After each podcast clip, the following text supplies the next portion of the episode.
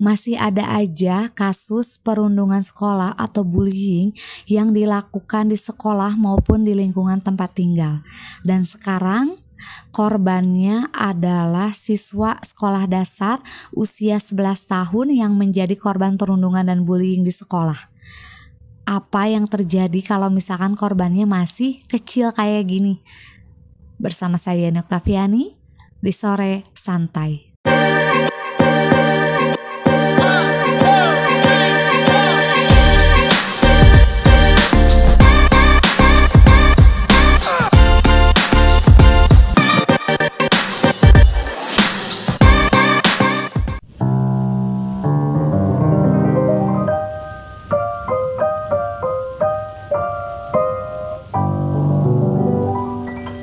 Apa kabar nih teman-teman podcast Yudi semuanya? Mudah-mudahan kita selalu diberikan kesehatan ya. Karena kan sekarang malam minggu ya nggak afdol rasanya kalau misalkan kita tuh nggak keluar rumah. Dan kita berdoa mudah-mudahan cuacanya cerah. Amin. Di sore santai kali ini ya nih bakal bahas nih jadi ada tujuh fakta menyayat hati anak sekolah dasar di Banyuwangi gantung diri usai dibully teman-temannya. Aduh serem juga ya teman-teman podcast Yudi. Jadi ibunda MR atau korban ini namanya MR ya inisialnya 11 tahun tidak bisa menahan tangis saat mengingat peristiwa pilu yang menimpanya. Ia tak menyangka akan ditinggal sang anak di usianya yang masih sangat muda. Jadi anaknya ini masih sekolah dasar ya. Dia tuh nekat mengakhiri hidupnya dengan cara gantung diri, teman-teman. MR nekat melakukan aksinya karena tak kuat terus-menerus dibully oleh teman-temannya. Rundungan ini karena MR disebut tak memiliki ayah. Korban merupakan anak yatim dan tinggal bersama kakak dan ibunya, sedangkan ayahnya telah meninggal dunia. Ini ada ya fakta pertama nih ditemukan sang ibu tengah gantung diri. Nah, korban pertama kali ditemukan oleh ibunya. Peristiwa bunuh diri itu terjadi pada Senin Februari lalu ya 2023 sore hari yang tinggal di Dusun Pancer, Desa Sumber Agung, Kecamatan Pasar Anggaran gitu. Ibu korban yang mengetahui itu langsung menghubungi kakak korban yang sedang bekerja gitu. Jadi pas tahu adiknya tersebut ya gantung diri, ibunya tuh langsung buru-buru ngehubungin kakaknya lagi kerja gitu. Korban sendiri sempat dilarikan ke klinik setempat tapi nahas nyawa korban tak tertolong setiba di klinik dan dinyatakan meninggal. Dari hasil pemeriksaan tak ada tanda-tanda kekerasan, jadi korban ini dinyatakan meninggal dunia karena memang bunuh diri. Nah, fakta yang kedua nih sang ibu lemes banget ya jadi ngelihat anaknya tuh gantung diri. Jadi ibunda korban tak pernah menyangka melihat dengan mata kepalanya sendiri saat anaknya yang berusia 11 tahun tidak bernyawa dalam kondisi gantung diri.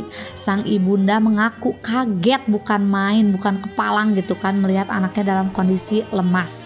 Saat itu sang anak menggantung di tali gitu kan. Ya kebayang juga sih ya teman-teman podcast Yudi gitu kan kalau kita tuh kayak ngelihat orang yang kita sayang gitu kan kita urus apalagi ya misalkan dari kecil gitu tiba-tiba di depan mata kita dia tuh gantung diri tak bernyawa.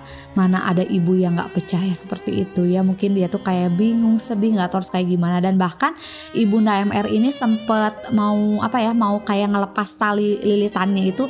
Bahkan dia nggak bisa. Saking dia bingung sedih dan gugupnya dan aduh kagetnya mungkin jadi nggak bisa lepas talinya sendiri gitu. Kebayang juga sih ya ya Allah Fakta yang ketiga nih, korban kerap cerita sering dibully di sekolah. Jadi sang ibu mengatakan sebelum meninggal dunia dengan gantung diri, MR kerap bercerita jika dirinya dibully oleh teman-temannya gara-gara nggak punya ayah. Di sekolah MR itu nggak punya teman, teman-teman semuanya ya, aduh kebayang ya sedih banget. Teman-temannya tuh nggak mau bersama MR karena ia merupakan anak yatim. Sang ibu bahkan menyebut MR kerak mogok sekolah karena hal ini, namun ia berusaha memujuknya agar sang anak tetap sekolah, tetap kembali ke sekolah. Dia bilang kalau di sekolahnya itu nggak ditemenin sama teman-temannya, dia kalau nggak ditemenin nggak mau sekolah gitu kan, udah udah apa sih istilahnya sama ibunya udah ya udah biarin aja tetap sekolah aja tetap dikasih semangat gitu kan. Tapi tapi tetap aja anaknya itu kayak gak mau sekolah gitu. Pernah sebelum satu bulan sebelum kejadian gantung diri ini MR pernah cerita juga karena dia pernah dibully juga di tempat mengajinya tuh. Bener bener berarti ya teman-teman. Jadi yang namanya bully ini enggak di sekolah aja tapi di tem di lingkungan tempat tinggal juga pasti selalu ada ya yang namanya perundungan atau bullying ini gitu. Fakta yang keempat nih, korban menangis saat cerita dibully. Nah, jadi tangis MR tuh pecah ya si korban ini tuh kayak sedih gitu saat menceritakan pada sang ibunda jika ia tuh kerap dibully sama teman-temannya. Korban nekat mengakhiri hidup dengan gantung diri ini karena tak kuat terus-menerus menerima rundungan teman-temannya. Kemarin sempat nangis karena dibilang anak yatim kata si ibunya ya. Bahkan MR sering menampik kerunungan ini dengan pura-pura bohong gitu ya. Jadi menyebut dirinya tuh oh saya punya temen eh saya punya ayah kok gitu demi mendapat simpati dari teman-temannya. Tapi nyatanya ya tetap aja kan yang namanya ditutup-tutupin juga faktanya tetap aja bakal uh, apa ya kebuka lah kalau si MR ini nggak punya ayah fakta yang kelima nih, Disdik Banyuwangi akan evaluasi peran sekolah. Kepala Dinas Pendidikan atau Disdik Banyuwangi Suratno buka suara. Menurut Suratno, pihaknya akan mengevaluasi dan mengoptimalkan peran sekolah agar tak terjadi kasus serupa.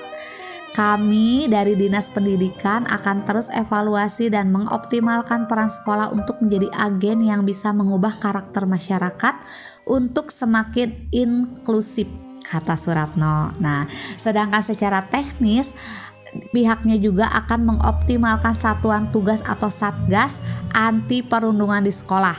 Jadi kayak teknisnya itu mengoptimalkan satgas anti perundungan. Jadi setiap sekolah itu ada satuan tugasnya gitu. Fakta yang keenam nih, teman-teman yang bully korban akan diperiksa juga ya. Bagus ya. Kapolsek Pesanggaran AKP Basori Alwi menyebutkan kini pihaknya telah memeriksa sejumlah saksi awal dari keluarganya korban dulu nih. Pemeriksaan ini untuk pendalaman apakah ada tindak pidana atau tidak. Basori menambahkan pemeriksaan juga akan dilakukan terhadap teman-teman korban yang kerap membuli hingga jadi pemicu bunuh diri gitu. Fakta yang ketujuh nih, pelaku bullying bisa dipidana. Terpisah kasih Humas Polresta Banyuwangi, Ibtu Agus Winarno, menyebut kasus bullying atau perundungan bisa dijerat dengan pidana, apalagi hingga bisa merugikan atau menyebabkan kematian seseorang. Ya, benar banget Pak ya. Mudah-mudahan dengan adanya kasus ini ya, ini adalah awal dan terakhir gitu kan. Jadi contoh gitu biar nggak ada lagi korban-korban yang menjadi perundungan atau bullying di sekolah maupun di lingkungan tempat tinggal. Jadi sekolah itu tempat yang aman, nyaman, tentram, bikin hati senang, happy gitu kan ya.